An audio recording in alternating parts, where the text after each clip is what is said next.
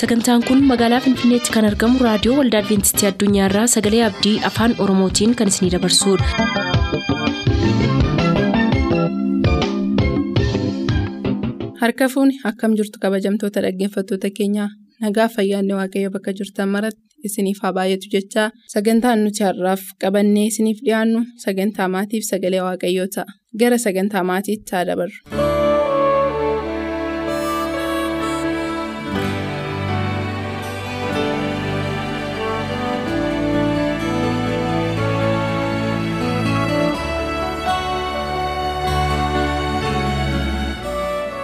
Nagaan keenya jaalalaa bakka jirtan maratti isiniif haa baay'atu akkam jirtu kun sagantaa maatiiti.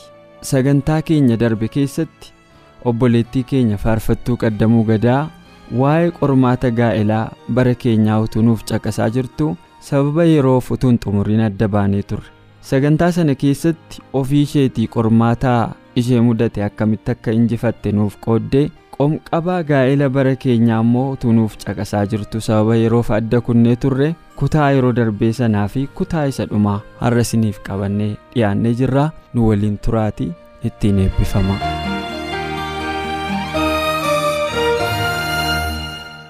maatiin instituushiniidha dhaabbata mataasaa danda'eedha dhaabbati kun immoo biyya ijaaruufis waldaa ijaaruufis afoosha ijaaruufis waan hundumaafuu buurri kanarraa ka'a maatii irraa ka'a kun badee innaan hunduma isaaf badee biyyi hin jiru maatii keessatti ka bade hunduus inuma bade gadi ba'ee biyyaafis waldaafis naannoofis hin ta'u yoo maatii keessatti tole immoo faayidaa biyyaati faayidaa waldaati egaa nuyi waldaa qabna. Waldaan maal irratti hojjechuu qabu? Abboonni maal irratti? Fakkeenyaaf maatiin dargaggootaa maal irratti hojjechuu qabu? Dhimma kanaan ol qabsiisee waldaan hireen ishee maalii dirqama maalii ba'achuu qabdi jetta dhaamsitti dhaamtu jira? Dhaamsi ani amma waldaaf dhaamuu qabu amma bara kanatti ijoollee dargaggoota amala isaanii beekuun hin ulfaata baay'ee ulfaata. Amala isaanii haatiiniif abbaanu amma bakka amma wallaaluu sadarkaa wallaaluu gaaniiran amma. Maaliifi haala amala ammayyaa jiraachuu faashinii garaagaraa kana hordofuu keessumaanuu amma haga bilbilli kun dhufeetiin jedhe wanti isaan laalaaran wanti isaan godhaaran baay'ee kan waldaarraa nama fageessu ta'ee haga maatii san dhaga'uu dhabutti haga waldaa dhaga'uu dhabuutti kan geessaaru waan kanniin jechuudha. Hanga danda'ameeni abboonni.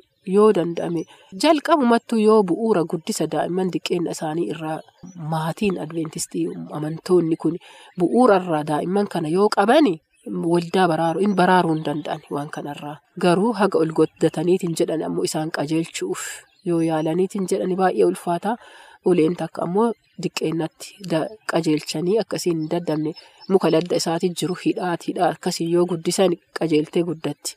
Yoo achiin booda dabde ammoo guddattee dabde yoo guddatte isa qajeelchuun nama rakkisa. Wanta akkasitti waldaa keessatti mul'ataara.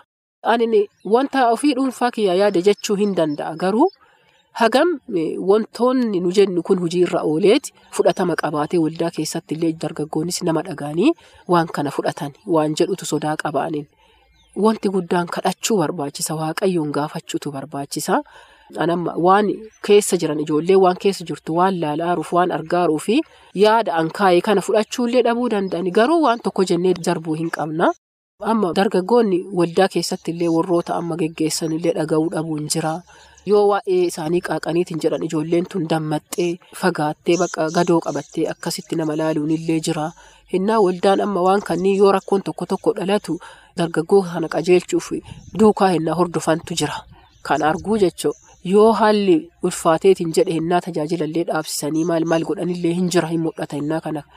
Hinnaa kunillee godhamu ijoolleen kun ammoo baddee waan feetusan waan dhabdeefi morka qabattee hinnaa waldaa keessaa baddee facaatee addunyaa keessatti tadeemteettu hedduu jira. An beekullee jechuudha. Yoo taa'ee ilaaleetu jedhu uduu gorsillee akkuma jirutti ta'ee ijoollee kana gorsuunis gorsaanis duukaa hordofuun akkuma jirutti ta'ee abboonni haawwanni.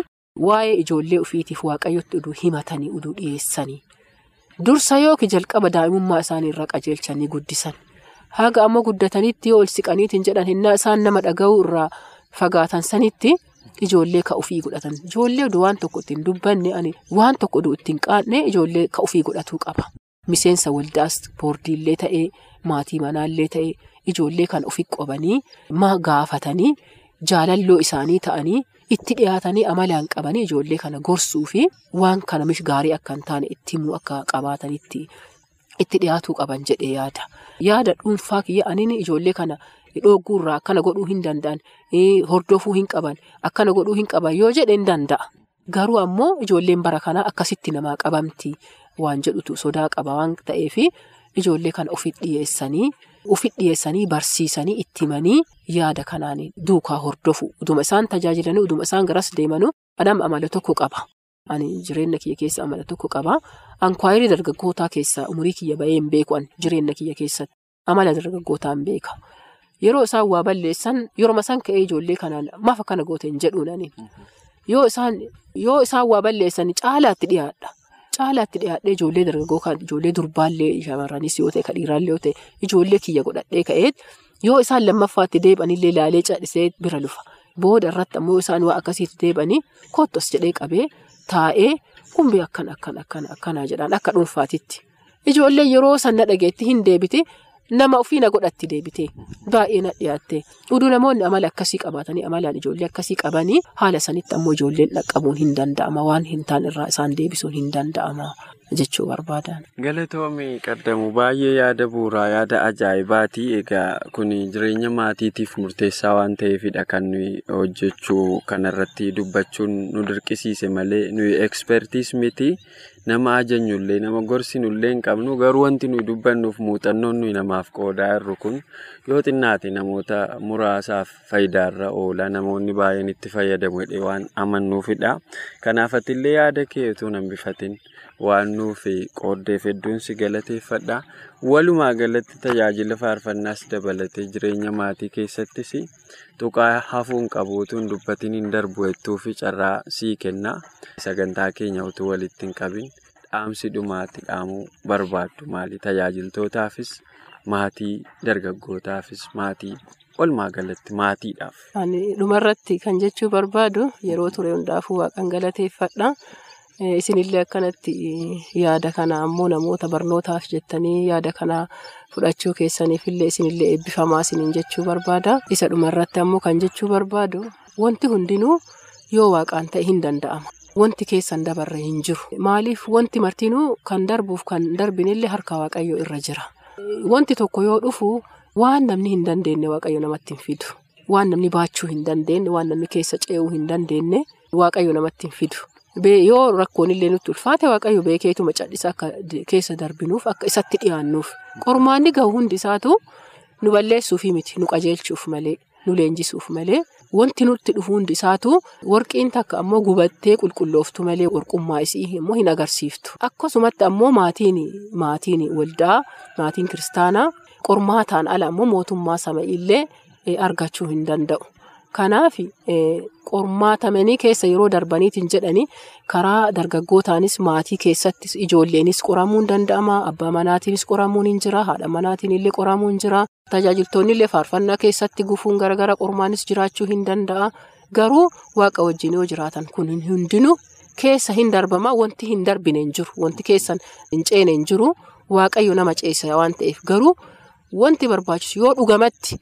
Amannee gara waldaa dhufnee jiraan yoo waaqayyoon amannee nu gargaara jennee amantii guutuun mana waaqaa seennee jiraanne karaama waaqayyo irra baasee irra dhaabachuu qabna. Manuma inni keessa nu kaa'ee irra dhaabachuu qabna. Iddoo inni nuuf kenne kennaa nuuf kenneera waaqayyo makliitii garaagaraa nuuf kenneera. Kan inni nuuf kenne isa irra dhaabannee obsumaan achi turuu qabaanneetiin jenna. Rakkoon illee hin darbaa, gaddi illee hin darbaa, wanti hundinuu hin darbaa. Garuu isa hin darbine ammoo samayii san argachuu fi obsaanii maaf qormaanni nu dhufee maaf akkana rakkadheen. Maaf an kiristaana ta'ee uduu waaqa jaaladhu uduu waaqni beeku maaf akkana ta'e jechuu hin qabnu. Lafarratti ammoo kun hin barbaachisa waan ta'eef wanti hin ceeneef wanti keessan darbine hin jiru. Hin darbama waaqaanii jabaadha jechuu barbaadan. Galatoomii qaddamuu kiyya egaa waa tokkoon si joorsaa dhumarratti egaa akkuma jalqaba siin jedhe rakkoon keenya kun walumaa gallisaa rakkoo hafuuraaf rakkoo fooniiti. Dhukkuba hafuuraaf dhukkuba fooniitiin rakkataa jira namni martuu. Kanaaf immoo qorichi isaa yookiin qorsi namni itti fayyadamuu qabu yesuusumadha. Ati immoo faarfannaa tokko barreessitee turte ni fayyaa uffata yesuusiin odoon tuqeettee turte dhuguma immoo fayyiteetta. Kanaaf dhaggeeffatoonni keenya illee rakkoo keessa jiran hundumaarraa akka fayyuu danda'an namni nama qajeelchu nama fayyisu dhibee isa kamirraayyuu yesuusidha. Faarfannaa kanaan dhaggeeffatoonni keenya akka abdii godhataniif teeknishaanni keenya istuudiyooti guutuu isaanuu gadhiisaa garuu ati nu yaadachiisumaaf sagalee ishee xinnoo irraa nuuf jetta. Ni fayyaa maqaa yesuusiin. Anillee irraanfadheera. Atillee yaadatta. Anillee irraanfadheera. Rakkoon hin jiru galatoomii baay'ee fayyaa ta'e istuudiyooti faarfannaa kana teeknishaanni keenya sagantaa kana ittiin nu goolabuu akka danda'u shakkii tokko hin qabu.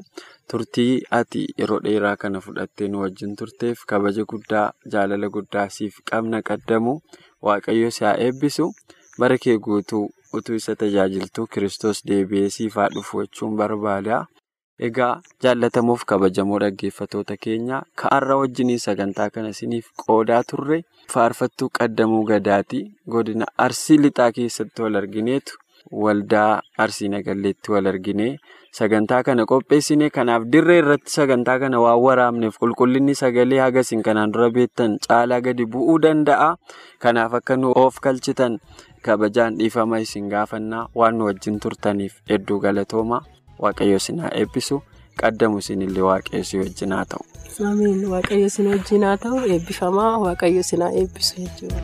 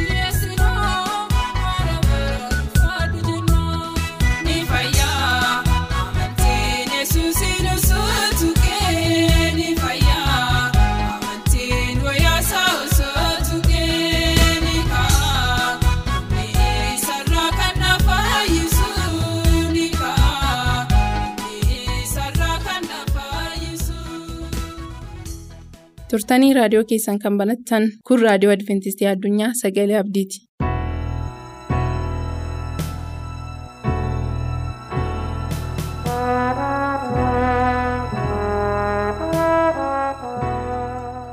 gooftaatti kan jaallatamtan dhaggeeffattoota yeroo kana sagalee waaqayyoo dhaga'uudhaaf raadiyoo keessan kan banattan akkam jirtu yeroo kana immoo sagalee waaqayyoo kan inni ilaallu mata dureen isaa kan inni jedhu obsa qabaadhu obsa qabaadhu utuu mata duree kana hin ilaalin dura kadhannaa gabaabaasaa walii wajjin godhan. galanni siif ta'a qulqulluu mootii israa'el alfaadhaaf oomeegaa kan taate. jalqabi keef dhumni kee kan hin beekamne kan hin tilmaamamne. Ati guddaadha jabaadha. Waan nu heddeef waan nu geggeessiteef. Gaarummaa keessa guddaas waan nu baay'ifteef maqaan kee kan eebbifame haa ta'u ayyaana keenya utuu nuun ilaalle ta'e utuu nuun eebbifne ta'e utuu nuun barsiifne ta'e utuu nutti hin dubbanne ta'e dhugumaan yeroo kana argachuun salphaa miti ammas ati nutti dubbadhu nu barsiise qalbii keenya nuuf haaressi maqaa yesuusiin aameen. Obsa qabaachuu yookaan obsa qabaadhu.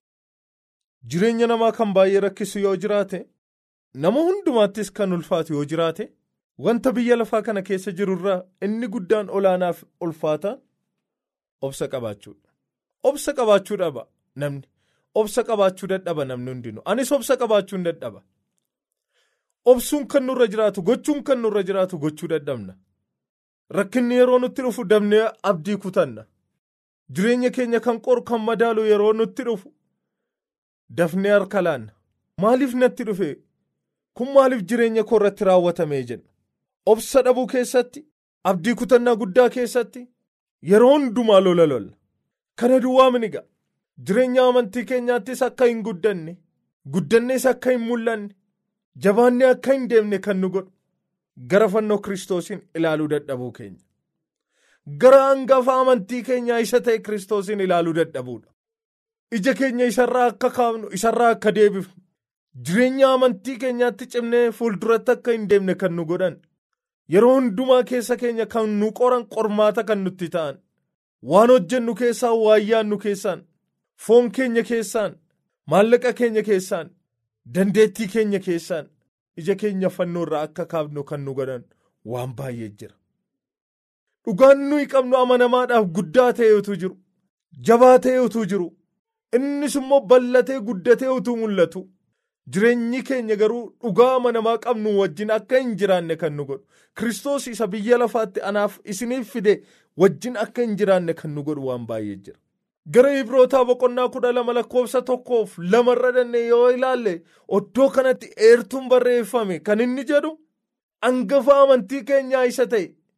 isa olaanaadhaaf isa jabaa gara isaa akka ilaallu ija keenya gara isaatti akka fudhannutu nu gorsa. Kanaaf jedha nuyi ammana kan ga'u dhugaa utuu qabnu akka duumessaa kan nu marsan jedha. Ammana kan ga'u baay'ee guddaa kan ta'e sammuu namaatti tilmaamamuun kan ulfaatu jabaa kan ta'e dhugaa amanamaa utuu qabnu inni iyyuu jedha akka duumessaa utuu nu marsee jiru jireenya keenya biratti utuu argamee jiru. Jireenya keenya keessatti utuu dubbachaa jiru. Dhugaa amanamaa isa namoonni baay'een beekuun ifa amanuun irra jiraatu. Isa namoonni baay'een qabachuun irra jiraatu. Utuu qabnu naannoo keenya kan buufatan. Kana duwwaa jedheennaam kottaa jedhega baa hundumaa of keessaa baafnee hin ganna. Dhugaa isa nu marsee jiru kana yoo ilaalle isa jireenya keenya bira buufatee jiru yoo ilaalle isa naannoo keenya qabatee jiru yoo ilaalle. isa anatti ba'aa ta'e isa anaan urguuf isa anaan naasisu isa natti ulfaatu hunduma of keessaa baafne akka gannu nu taasisaa jedhan egaa kottaa ba'aa hundumaa of keessaa baafne hin gannaa isa amanamaa nu bira jiru isa nu moosisu isa nu ceesisu isa nu dhaabu isa nu geddaru isa jireenya keenyaaf nagaa ta'u isa yeroo hundumaa laphee keenya hafuuraan guutu kana ilaalla ba'aa isa nutti ta'e of keessaa baafne hin gannaa jedhe. hin ganna jireenya keenya kan qoru kottaa kaachuu nuuf qophaa'es obsaan hin kaanna kaachuu nuuf qophaa'e fiigicha nuuf qophaa'e obsaan kaanna namoonni tokko tokko yeroo ilaaltan jireenya isaanii keessatti jireenya adda addaa jiraatu jireenya qormaataa jireenya qoramu Jireenya amantii isaanii waan baay'eetiin qoramuu keessa dabarsu namoonni. Jireenya hafuuraa isaanii baay'ee qorama. Yeroo sana hin mucucaatu duuba deebi'u. Fiigdota addunyaa yoo ilaaltan fiigichaaf yeroo kaani jireenya isaanii utuu fiiganii kan qoran waan baay'ee jira. Biyya tokko tokkotti yoo ilaaltan cabbii baay'ee diilallaa ta'e keessa fiigu. Namoonni cabbii diilallaa keessa fiiganii biyya ohaatii gara biyya sanaatti fiiguuf dhaqan yoo ta'e biyya ohaadhaa baay'ee huurraa kaatanii biyya diilallaatti dhaqxanii fiiguun rakkisaadha. Kanaaf haalli qilleensaa sana keessa dhaabatanii obsaan kaachuudhaaf fiiguudhaaf obsa guddaa isaan gaafata. Yoo baay'ee cimee dhufe addaan kutanii ba'u. Namoonni biyya diilallaarraa dhufan immoo biyya ho'aatti dhaqanii fiigan jiru. Biyya ho'aatti yeroo dhaqanii fiigan biyya baay'ee qorru keessaa waan dhufaniif biyya ho'aatti dhaqanii fiiguun ulfaataa itti ta'a. Isaan akkasii obsaan kaatu obsaan yoo kaachuu baatan immoo fiigicha isaanii addaan kutanii addaan ba'u. Kanaaf macaafi qulqulluun keenya iddoo kanatti kan inni jedhu gaa dhugaa amanamaa isa naannoo keenya marsee jiru kana erga qabaanne jedhe. Kottaa gaa amma kaachuu isa nuuf qophaa'e sana obsaan kaannaa jedhe obsa qabaannaa jedhe obsaan dandeenya fiiguun nuyi jalqabne xumuramuu gaheera. Fiiguu jalqabneerra karaarra jirra fiigaa jirra kaan walakkeessa gooneerra kaan deemneerra.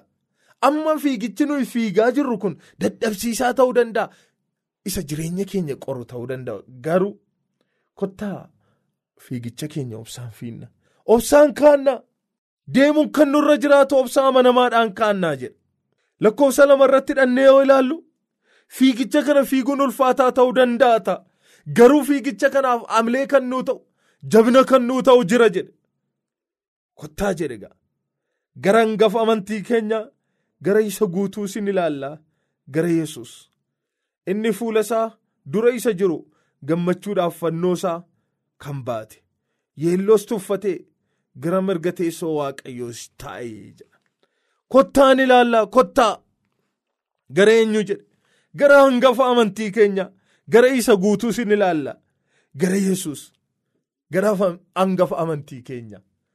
Amma akka fiinnuuf hamlee kan nuu kennu jabina kan nuu ta'u kaachuu keenyaaf honnachiiftuu kan nuuf ta'u ilaaluun kan nurra jiraatu galma keenya lafa geenyu sana ilaaluun nurra jiraata. Innis immoo eenyuudha? Hangafa amantii keenya isa ta'e gara Yesuus kiristoosiin ilaallaa jedhe. Isa guutuu, isa mudaa hin qabne, isa jabaa, kaachuu isaa amanamummaan isa raawwate gara isaa in ilaalla.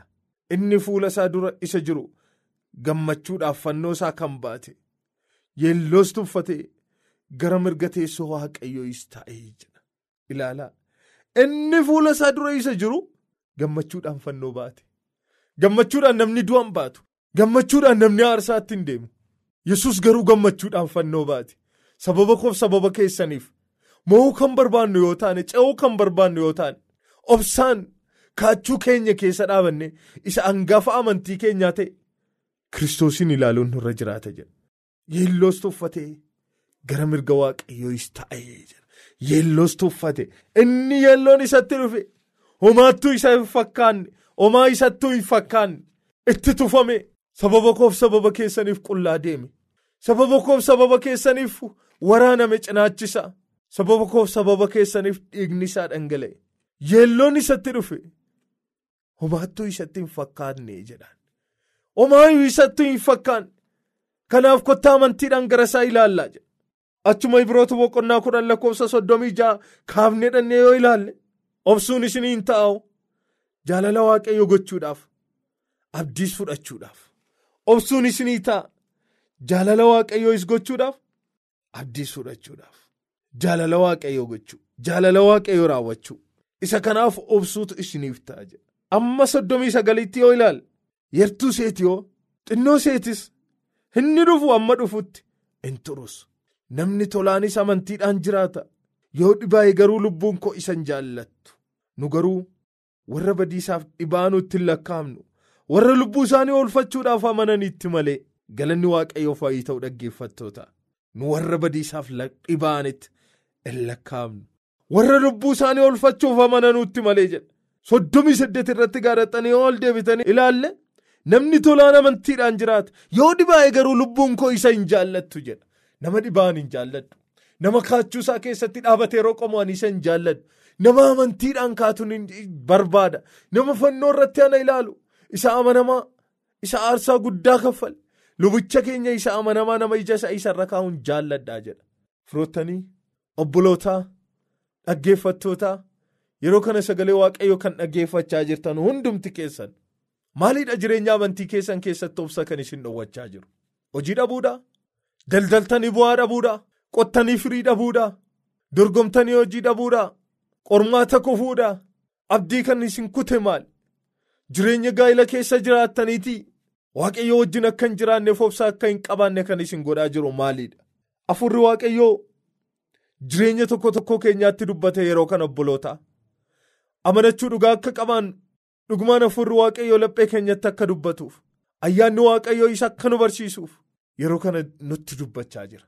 Kaachuu keessa dhaabattanii irroo qomina deemuun kan nurra jiraatu deemsa dhugaa deemuun nurra jiraata. Ani nama dhibaa lubbuun koo isa hin jaallattu jedhe. Lubbuun koo isa hin jaallattu. Lubbuun waaqayyoo warra dhibaan hin jaallatu. Isaaf amanamummaa qabaachuun nurra jiraata. Amantii gahaa qabaachuun nurra jiraata. Kaachuu isa dhugaa kaachuun nurra jiraata. Afuura waaqayyootiin geddaramuu danda'uun nurra jiraata. Gooftaan hunduma keenyaa eebbisu. Ayyaanni waaqayyoo hunduma keessanii wajjin haa ta'u. Afuura waaqayyootiin namoota jiraatan taane.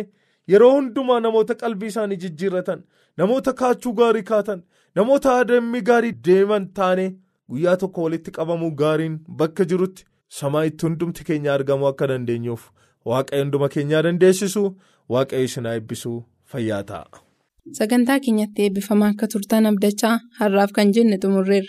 Nuuf barreessuu kan barbaaddan ammoo lakkoofsa saanduqa poostaa dhibbaaf 45 Finfinnee lakkoofsa saanduqa poostaa dhibbaaf 45 Finfinnee ammasitti nagaatti kan isiniin jennu qopheessitoota sagalee abdii waliin ta'uudhaan